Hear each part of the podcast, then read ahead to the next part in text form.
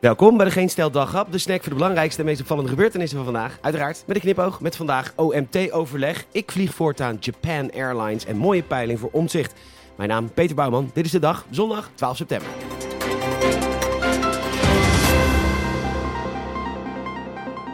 We hadden het bijna gemist. Korte broek, t-shirt, petje op. Rutte was vandaag weer in het katshuis om te overleggen met het OMT.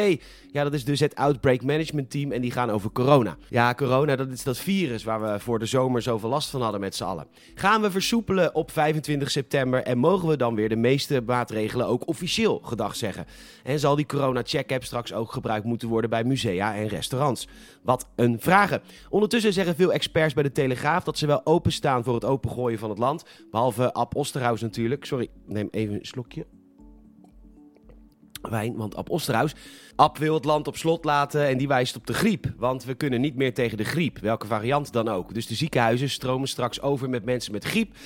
Dus moet het land misschien wel dicht voor griep. Maar ja, dan bouwen we nog minder weerstand op tegen griep. Waardoor we het jaar erop nog zieker worden van de griep. Ik mis corona. The Mirror laat weten dat Japan Airlines een oplossing heeft voor mensen die een teringhekel hebben aan kinderen in de buurt in een vliegtuig. Tijdens het kiezen van je stoel krijg je namelijk te zien waar al een kind onder de 12 zit. Ideaal en laten we dat idee vooral voortzetten.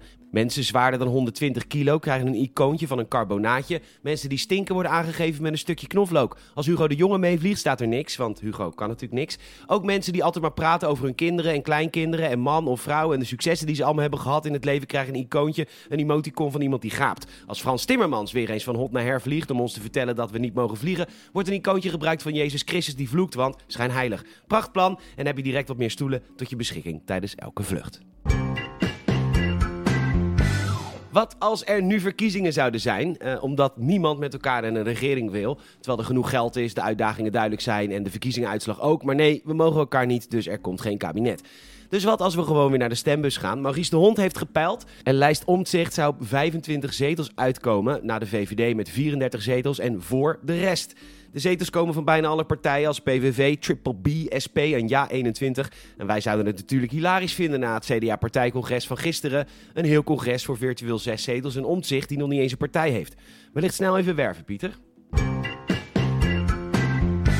Russia Today looft de Russische economie.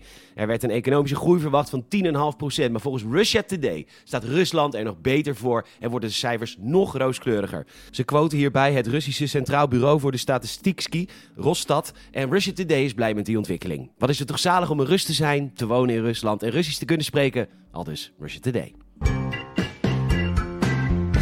Het Algemeen Dagblad laat weten dat we over 10 jaar kunnen weten of er ooit leven was of is op Mars. Ik, uh, ik zet even de iCal.